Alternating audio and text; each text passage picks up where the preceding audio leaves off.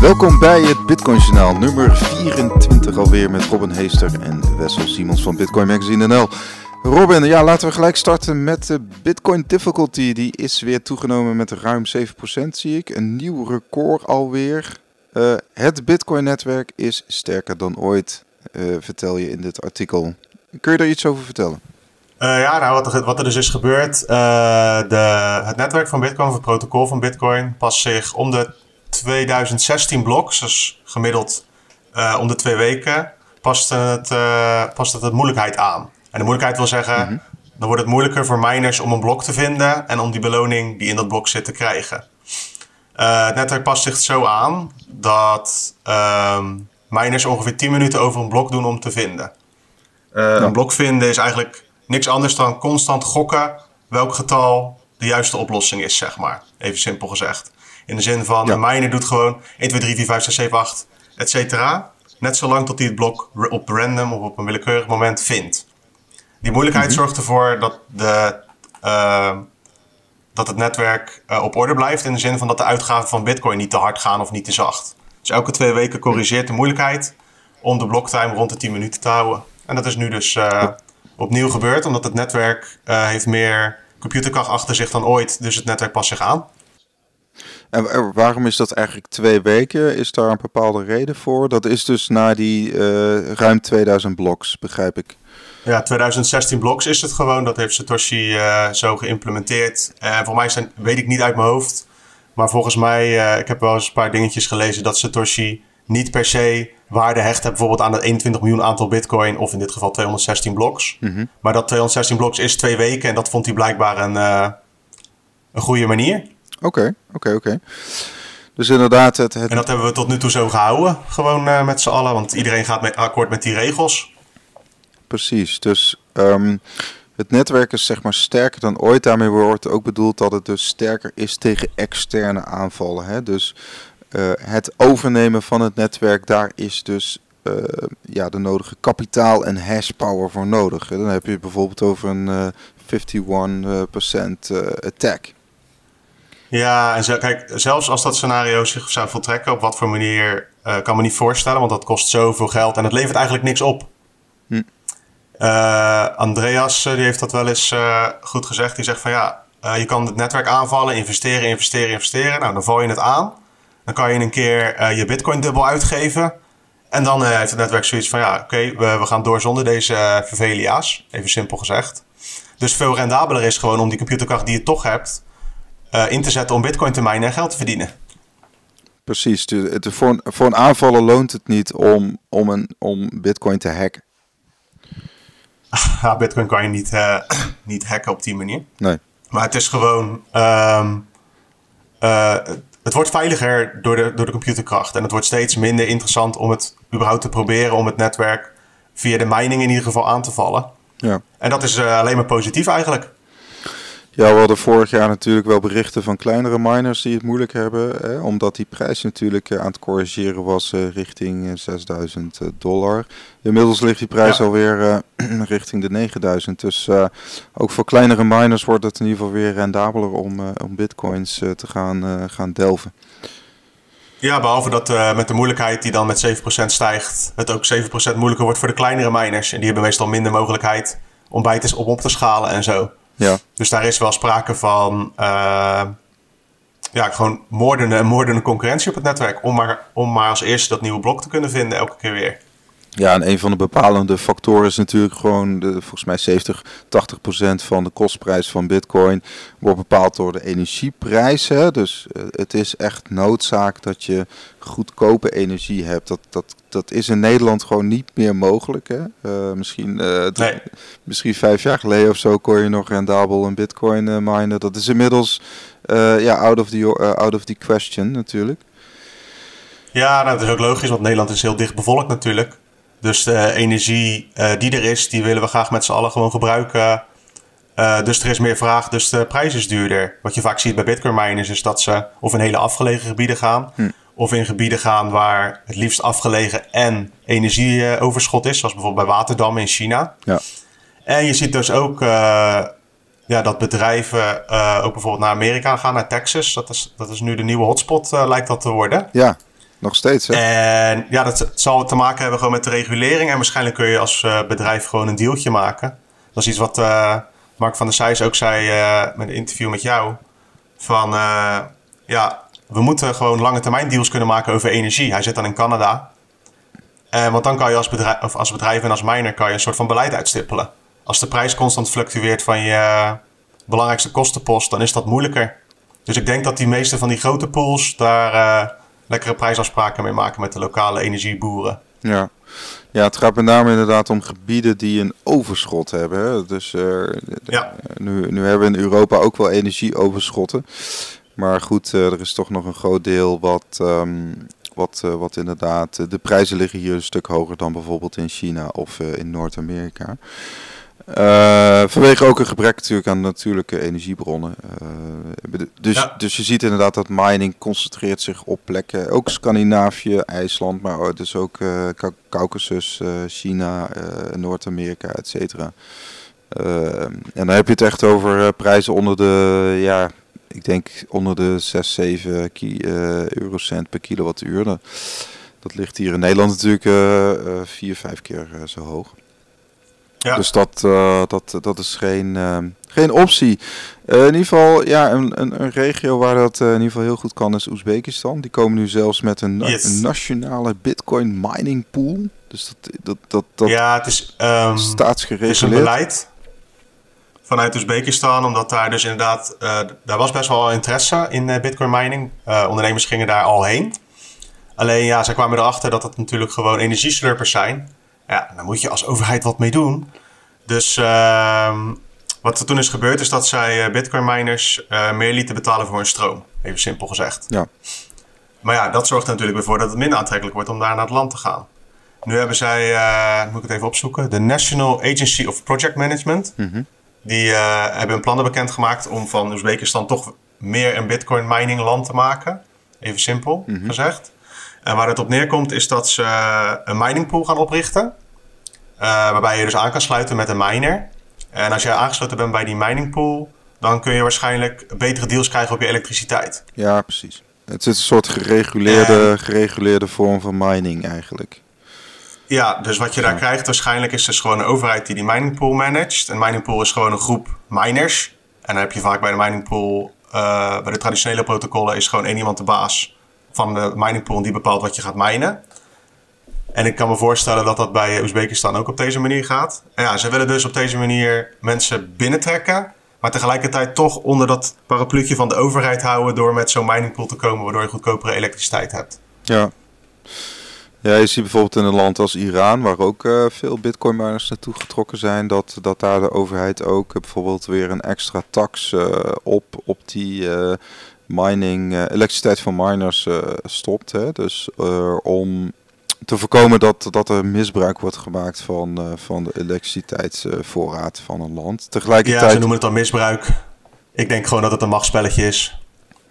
Ja, tegelijkertijd is er ook wel een stimulans in die zin dat ze, dat ze dus ook zeggen: oké, okay, uh, we bieden ook aan dat je je kunt aansluiten bij een duurzame energiecentrale. Hè? Dus stel je pakt een grote uh, zonne- of windcentrale en daar kan een miner zich dan ook aan, uh, aan verbinden, zeg maar. Eh, om daar energie van af te nemen. Dus ehm, nou ja, zo zie je eigenlijk dat elk land, hè, misschien interessant om nog een keertje op een rij te zetten, daar weer een iets andere policy, policy in heeft.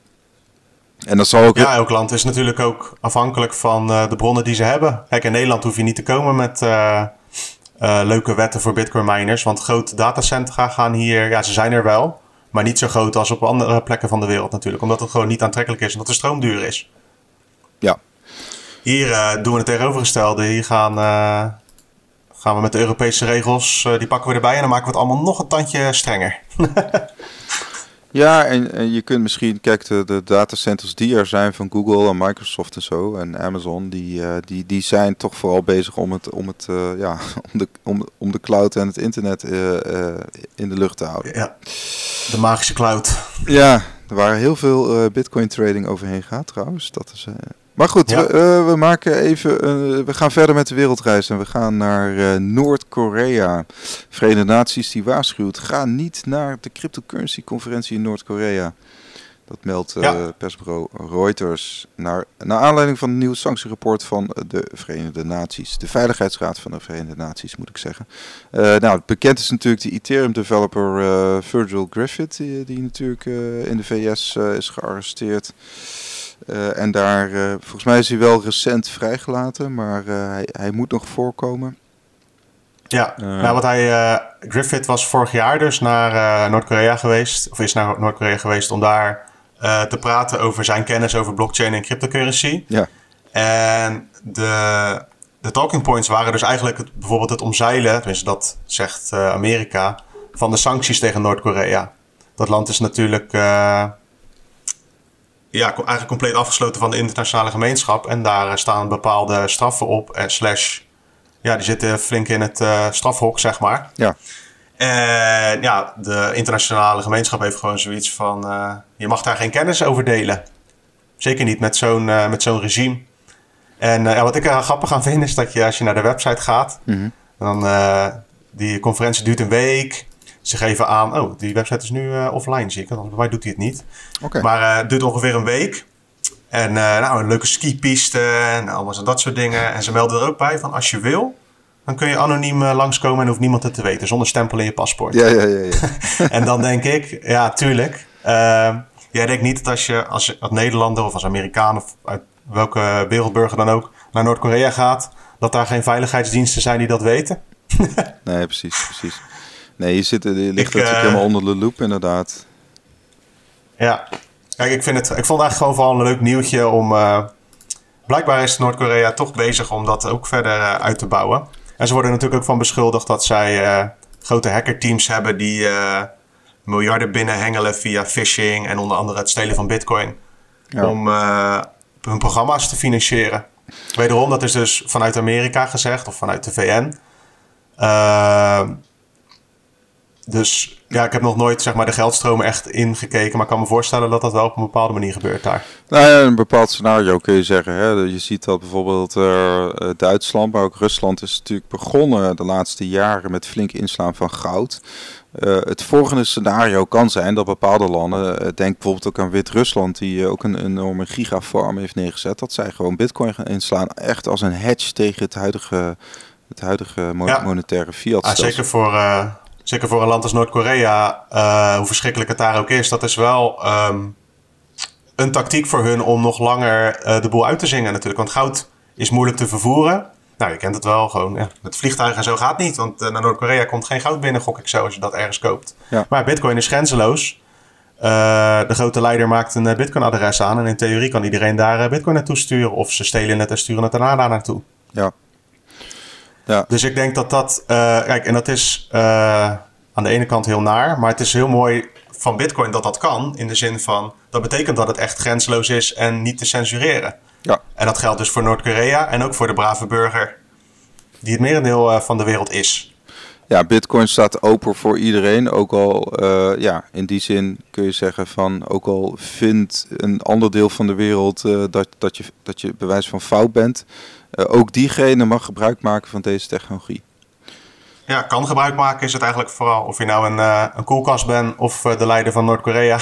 Als je een Bitcoin-adres hebt, dan ben je, kan je actief zijn op het netwerk. Ja, ja. nou ja, goed.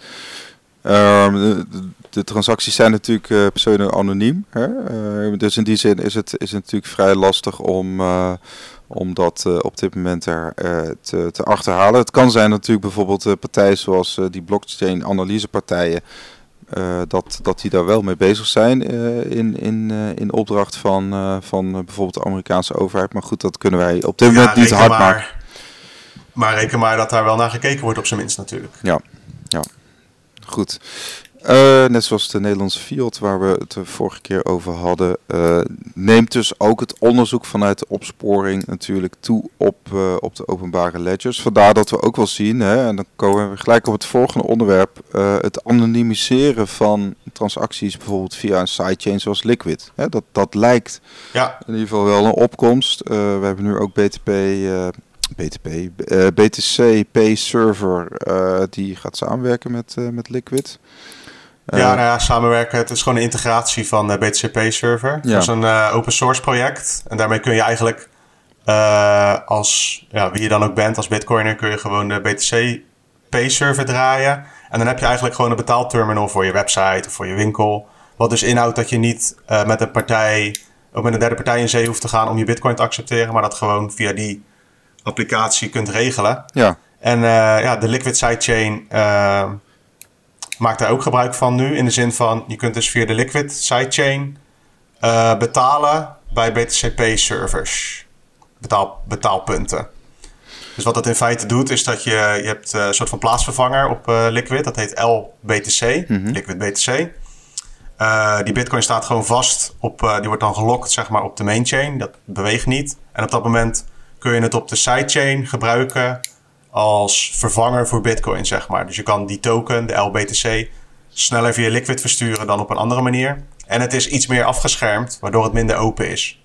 En dan kom je daarbij bij het anonimiseren. Dan zou het dus mogelijk zijn dat je zeg maar je bitcoin even tijdelijk omzet naar LBTC. Mm -hmm. Daar je transacties mee doet bijvoorbeeld bij een eh, BTCP-server. En daarna haal je je LBTC weer, haalt iemand de LBTC weer van Liquid af. En dan is die bitcoin die jij hebt vastgezet weer los op het main netwerk. Oké. Nou ja, dan komen we ook, hè, zeg maar, voor een handelaar kan dat interessant zijn. Uh, om bijvoorbeeld, uh, bijvoorbeeld andere handelaren voor te zijn. Hè? Dus uh, dat, dat zit met name dan in de integratie met Tether. Dat op het moment dat jij bijvoorbeeld 10 miljoen bitcoin wil steken, dan uh, kwam er natuurlijk een mooie whale alert uh, op Twitter tevoorschijn. En met het, ja. uh, doordat Tether nu aan het samenwerken is met Liquid, wordt zo'n handelstransactie ook geanonimiseerd. En zonder dat de andere handelaren wakker worden, en kun jij nog profiteren van een lagere bitcoinprijs. en... Ja, het zorgt gewoon voor meer privacy, ook voor mensen die met grote hoeveelheden aan, het, aan de haal zijn op het netwerk. Tegelijkertijd uh, moeten we eerst nog maar eens kijken hoeveel dat dan gebruikt gaat worden. Ja. Maar het mooie is, de mogelijkheid is er. En dat is, uh, ik denk dat dat alleen maar voordelig is. Meer keus, altijd goed, denk ik zo. Ja, ik vraag me wel af in hoeverre dan hè, deze technologie zeg maar compatible uh, of compliant is met de toenemende wet en regelgeving. Sorry. Ja, dat weet ik ook niet precies. Kijk, dat hangt er weer vanaf van wie er verantwoordelijk is voor het Liquid-netwerk. Want Liquid is niet, de niet decentraal of zo. Het is gewoon een privé-netwerk met een x-aantal nodes, zeg maar. Ja. Vanuit Blockstream opgericht en gerund. Dus het is een heel ander soort protocol dan bijvoorbeeld het Lightning Network of Bitcoin zelf. Ja, precies. Precies. Het is een entiteit. Dus ik heb geen idee hoe dat precies zit, de aansprakelijkheid. Dat, dat gaan we zien als er straks wat gekke dingen gebeuren. Ja. Als Noord-Korea zo meteen de BTCP-server heeft geïnstalleerd en met Liquid aan de haal gaat, dan gaan we kijken wat er gebeurt. ja, dan wordt het, ja, nou, ja, dan wordt het natuurlijk een, uh, een politiek instrument. En dat, ja, dan, dan, dan dat, dat raakt natuurlijk gewoon de politieke, politieke gevoeligheid. En dan, en dan zullen de overheden in gaan grijpen. Dat, dat zien we natuurlijk ook hier in Nederland met, met de anti-witwasregelgeving. Um, even kijken, nou, laten we heel eventjes verder gaan naar, wat hadden we nog meer? Uh, bijvoorbeeld... China. China inderdaad. De, de, Chinese millennials hebben best wel wat interesse in bitcoin, blijkt uit een onderzoek. Ja. Op zich Kan niet. jij die naam uh, zeggen, Wessel? Uit het rapport van Xiaman Financial.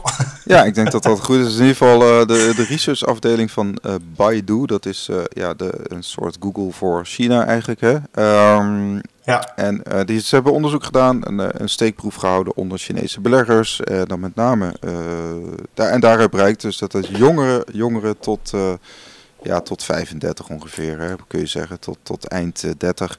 Uh, mensen geboren tussen, uh, wat is het, uh, 1980 en 2000.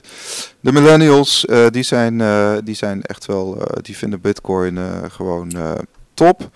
dat zie je ook wel in Amerika, toch? je ziet bijvoorbeeld zo'n grayscale mandje, zeg maar, zo'n zo'n indexfonds van grayscale, trust funds moet ik zeggen. Daar, daar zie je ook veel millennials instappen. Dus ja, naast... het is ook wel logisch, hè? Want wij, als ik dan voor mijn leeftijdsgenoten spreek, zijn natuurlijk gewoon allemaal opgegroeid met bijna digi allemaal digitaal. Ja. Ik weet niet of dat in China ook zo is. Maar uh, we begrijpen dat gewoon gelijk. In de zin van, je kunt begrijpen waarom iets digitaals waarde heeft, even simpel gezegd. Ja, Ja, je kunt en ik denk dat dat een van de kernwaarden is waarom Bitcoin populair is bij uh, millennials. En daarna komen pas de principes. Ja, precies, precies. Kijk, die principes staan natuurlijk haaks op, op, bijvoorbeeld uh, hun eigen overheid natuurlijk. daar, laten ja, maar misschien is dat ook wel een teken aan de wand. Dat kan ook natuurlijk. Zou kunnen, ja. Maar het zijn natuurlijk ook veel uh, mobiel. Ze zijn heel mobiel, hè. Dus die WeChat bijvoorbeeld. Dat, dat, ja, dat is gewoon super populair. Je, je betaalt alles, je doet eigenlijk alles via mobiel. Hè, terwijl, terwijl hier natuurlijk ook nog wel wat via, via een betaalpasje gaat. Of via, via desktop of whatever. Cash ook nog steeds. Dus eh, dat, dat, dus dat digitale en dat mobiele, dat zit, uh, zit heel erg in, in, in China inge, inge, ingebakken. Dus ja, bitcoin hoort er gewoon bij. Hè? Je kunt heel makkelijk met een QR-code of gewoon ja, bewijs van met een, een bitcoin-adres of gewoon via een wallet dus bitcoin versturen. Ja, en, ja, wat dat natuurlijk ook is, is dat je in China nu steeds meer uh, controle krijgt over, uh, of tenminste dat de overheid steeds meer controle grijpt over de financiën van de burgers. Ja. En ja, dan is Bitcoin natuurlijk ook een uh, tegenbeweging. Het is niet zo dat Bitcoin op nummer 1 staat, volgens mij toch, qua populariteit? Nee, nee, nee. Zo uit mijn hoofd, waar bijvoorbeeld vastgoed is ook nog wel. En, en, en gewoon de ouderwetse tech-aandelen is ook nog wel gewoon ja, populair. Precies. Dus, maar Bitcoin heeft zich in ieder geval in die lijstjes weten te nestelen, ook in China, volgens dit onderzoek dan. Ja, en uh, ja, als het goed is, zijn de, is de millennial generatie nog lang op deze, deze aarde. Dus als het goed is, gaat die pers dat percentage nog maar groeien op termijn. Ja, want het bezit... Nieuwe aanwas. De... Ja, nee, inderdaad. Nou, wie weet. In ieder geval, de bezitten van bitcoin is niet verboden hè, in China. Dus je, je ziet wel dat, dat de Chinese overheden... die um, richten echt een pijlen op de, op de handel... Uh, Nu heeft Tether heeft natuurlijk een, een, China's, uh, een, Chi Chinees uh, handelspaar met, met Guan. En um, dus dat, dat, zo komen Chinezen aan hun bitcoin hè, via, via Tether. Dat, dat, is, dat, dat, dat, volume, dat volume van dat handelspaar is altijd vrij hoog. Dus... Ja, China probeert altijd te voorkomen dat er geld uit het land gaat, zeg maar. En als dat op een exchange gebeurt, ja, dan heb je niet zoveel in de hand, denk ik, als overheid. Dus ik kan me voorstellen dat ze daarom, daarom zo, uh, daarop zo hard nu aan het hameren zijn. Want er zijn echt heel veel crypto-exchanges vorig jaar gesloten in China. Ja.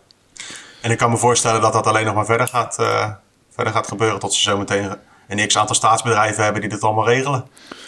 Ja, ja en in die zin het verrangen of zo is dat, dat in ieder geval die Chinese diaspora, zeg maar, de, ik noem wat ook een CZ natuurlijk, uh, een Binance, maar ook een OKX, uh, maar ook een Bithumb bijvoorbeeld, wat Chinees is, maar wel de grootste van Zuid-Korea. Uh, ja, die, die worden met name groot buiten China. Hè? Dus, ja. en, en, en in eigen thuisland zijn ze niet welkom. Nou ja, goed. Ja, maar dat is vanuit de politiek van China zou het heel gek zijn als ze dat wel allemaal zouden accepteren, laat ik het zo zeggen. Ja. Want die zijn puur op controle, controle, controle. En die willen niet al die gekke geldlijntjes hebben, denk ik. Nee, nee, precies, precies. Uh, Twitter. Twitter is natuurlijk ook iets wat in China verboden is, of niet? Ja. ja. Maar Twitter die, ehm, die wil um, zeg maar eventueel een, een, integratie met Bitcoin. Hè? Ik bedoel, Jack Dorsey, de, de oprichter van, van Twitter en Square, is gewoon echt bullish op Bitcoin en op die digital assets in het algemeen. Uh, dus er zijn bijvoorbeeld. Ik denk trouwens niet dat China Twitter heeft verboden hoor, even tussendoor. Oké. Maar goed. Oké, dan moeten we dat er even Door. uitknippen misschien. Of niet, maakt niet uit. Ah, laat lekker in joh. maar in ieder geval één idee is uh, bitcoin tipping via Square. dus je kunt elkaar, uh, je kunt elkaar uh, voortjes geven op Twitter, in satjes, via, via de Square app. Of in ieder geval de... dat is het dan nog niet? Nee, dat is er nog niet. Dat is een plan. Nee. Nou, het plan is volgens voor mij is de theorie gewoon, of de, gerucht is dat Twitter een betaalfunctie eventueel toe gaat voegen. Oké. En de Bitcoin community gaat er dan mee aan de haal. Want de CEO Jack Dorsey is natuurlijk uh, ja, de laatste jaren zichzelf aan het opwerken naar een prominente Bitcoiner. Ja. Overal waar hij komt, uh, of het nou in Afrika is of op Twitter zelf, heeft hij het best vaak over Bitcoin. En een logische stap zou dan dus zijn, inderdaad, om. Uh, hij wil dan mensen staat stellen om een leuke tweet te belonen met in plaats van een retweet of een like, ook met een klein geldbedrag. Ja. Nou, en dan zou eventueel het Bitcoin Lightning Network natuurlijk uh, ideaal zijn. Snelle, korte transacties. Zeker. Uh, met, een, van een, met een fractie van een sat eventueel en een fractie van een seconde binnen. Nee, precies. Dat, dat is toch hartstikke leuk. Hè? Dat, werkt, dat werkt natuurlijk ook wel best wel goed met, met Telegram. met de BotPay. ja, maar dat was nog met een derde partij. Kijk, als je het echt gaaf wil hebben, dan is het gewoon van Lightning Wallet naar Lightning Wallet via Twitter. Ja. Maar goed, misschien is dat weer een beetje te hoop, uh, hoopvol. Nee, precies, precies. Nou ja, goed, het is in ieder geval een goede ontwikkeling. We, we, we, we, kijken echt uh, met interesse naar de ontwikkelingen bij Twitter. Uh, uh, want ook de Cash-app van Square, moet ik zeggen, dat is een apart bedrijf van Jack Dorsey. Ja, die verkoopt bitcoins ook, ook aan, aan, denk ik, met name millennials, in ieder geval jonge, jonge Amerikanen. En de, de, het ene volumerecord na het andere wordt daar gebroken. En, um, ja, die zijn goed bezig daar. Plus ik denk dat uh, Twitter, die zal ook misschien wel gaan samenwerken met, uh, of ik moet zeggen Square natuurlijk, die zal ook wel gaan samenwerken bijvoorbeeld met een Paxful. Hè? Dus Paxful doet hele goede, of goede zaken. Ja, ze, ze zijn behoorlijk aan het ontwikkelen in Afrika. Uh, met peer-to-peer bitcoin betalingen. nou, Dorsey is in Afrika geweest. Hij is van plan om een aantal maanden in Afrika te gaan wonen. Uh, in 2020. Dus het zou me ja. hooglijks verbazen als, daar niks, uh, als hij daar niks gaat ontwikkelen voor uh, de communities daar. die allemaal geen bankrekening hebben. Dus, ja, er lijkt wat te borrelen in ieder geval bij ja. Dorsey in zijn, in zijn bitcoin brein. ja. En misschien is het allemaal wishful thinking en gaat hij zo meteen gewoon de ouderwetse dollar en euro's en zo accepteren op Twitter. Wat ik eigenlijk ook wel... Ik denk dat dat een makkelijkere stap is voor Twitter om dat gewoon te doen. Maar als die... Uh, want hij heeft natuurlijk bij Square heeft hij ook een aparte divisie, heet Square Crypto. Daar worden mensen aangenomen specifiek om gewoon aan het open source protocol van Bitcoin te bouwen. Ja. Op zowel user experience uh, vlak als uh, helemaal uh, van het, op het protocolniveau. Dus misschien dat hij dat team aan het werk kan zetten om iets op voor Twitter te bouwen. Maar volgens mij is dat niet echt het doel van die, die tak, zeg maar. Volgens mij moeten zij echt vrij zijn om te doen wat ze willen. En niet per se een commercieel product maken. Ja. Ja. Dus uh, ja, hoe je het ook went of keert, uh, het, is, het, wordt het is niet makkelijk voor zo'n grote partij om te zeggen van we gaan bitcoin uh, transacties accepteren via Lightning en ja, wat de regelgeving zegt maakt me niet uit, we gaan het gewoon doen. Want zij worden dan in één klap in één keer een hele grote betalingsverwerker. Ervan uitgaande dat het een beetje aanslaat en iedereen elkaar satjes gaat sturen via Twitter. Ja, kijk, een grote frustratie van Dorsey is, uh, hij heeft 250 miljoen gebruikers wereldwijd. Uh, hij heeft uh, natuurlijk wel met plan gespeeld om, om, om wel degelijk uh, betalingen via Twitter te gaan doen. Alleen hij zit er gewoon met regulering, hè, dus hij moet bij van per land moet hij, moet hij de regulering gaan, is, moet hij compliant zijn met de regulering. Um, bovendien is het natuurlijk een route wat Facebook ook heeft gemerkt. Dat op het moment dat zo'n groot bedrijf zich in die arena gaat begeven, dan komt er enorm veel weerstand. Dus ik, ik vermoed dat, het, dat, dat hij het dus gaat, gaat doen via, via Afrika en dat hij daar gaat beginnen. Hè? Dus inderdaad met, met, met kleinere badges van betalingen. Ja, wie weet dat het ooit in de westerse wereld ook nog gaat komen. Um, maar inderdaad, ze ondersteunen bijvoorbeeld Square Crypto, bijvoorbeeld ook weer 100.000 dollar hebben ze gesponsord voor BTC server. Hè? Dus, en, ja, ja, ja. Uh, dus in die zin is de cirkel weer rond. laten we even afronden met de Bitcoin advertenties. dat is even een Nederlands nieuwtje. we hebben bekend dat in ieder geval de schade is geraamd op 3 miljoen euro. Dat was eerst 1,7 miljoen euro enkele maanden geleden. Maar je kunt je dus... Even schetsen, want het gaat om advertenties op Facebook met name. Ja. Die gebruik maken van foto's van beroemde Nederlanders. Die niks met het project zelf te maken hebben. En je op wat voor manier dan ook proberen te belazeren. Toch? Precies, en je klikt dan op die advertentie. Daar zitten gewoon oplichters achter die jouw persoonlijke data, je e-mailadres, et cetera, uh, ja, zeg maar, uh, registreren. Vervolgens gaan ze jou benaderen om je over te halen om in bitcoin te investeren. en je verstuurt het geld. Er zijn mensen die dat doen, die daarop vertrouwen. En vervolgens is je geld weg. Um, dus ja, dat, dat, dat is natuurlijk een kwalijke zaak. Er zijn meer dan 300 gedupeerden in, in Nederland.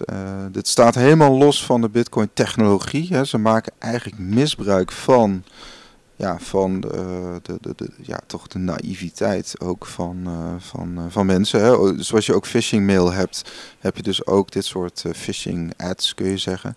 En ja. Nou ja, goed. mensen die gedupeerd zijn, kunnen zich dus melden bij de Fraude Helpdesk. Dat is een hulporganisatie hier in Nederland. Er wordt in ieder geval een zaak van gemaakt. Dus mocht je het hoofd van Jort Kelder, Ali B of Alexander Klupping bij een Bitcoin advertentie zien, dan is het waarschijnlijk een, uh, een scam. ja, precies, precies. En alles wat goed is uh, om waar te zijn, is waarschijnlijk niet waar. Hè? Dus uh, met name ook. Behalve Bitcoin.